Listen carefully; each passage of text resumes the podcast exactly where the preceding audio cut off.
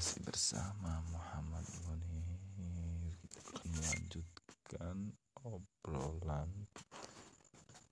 tentang apa yang harus dilakukan pada masa pandemi ini. Hmm, yang pertama yaitu yang dikutip dari kompas.com salah satunya itu menulis blog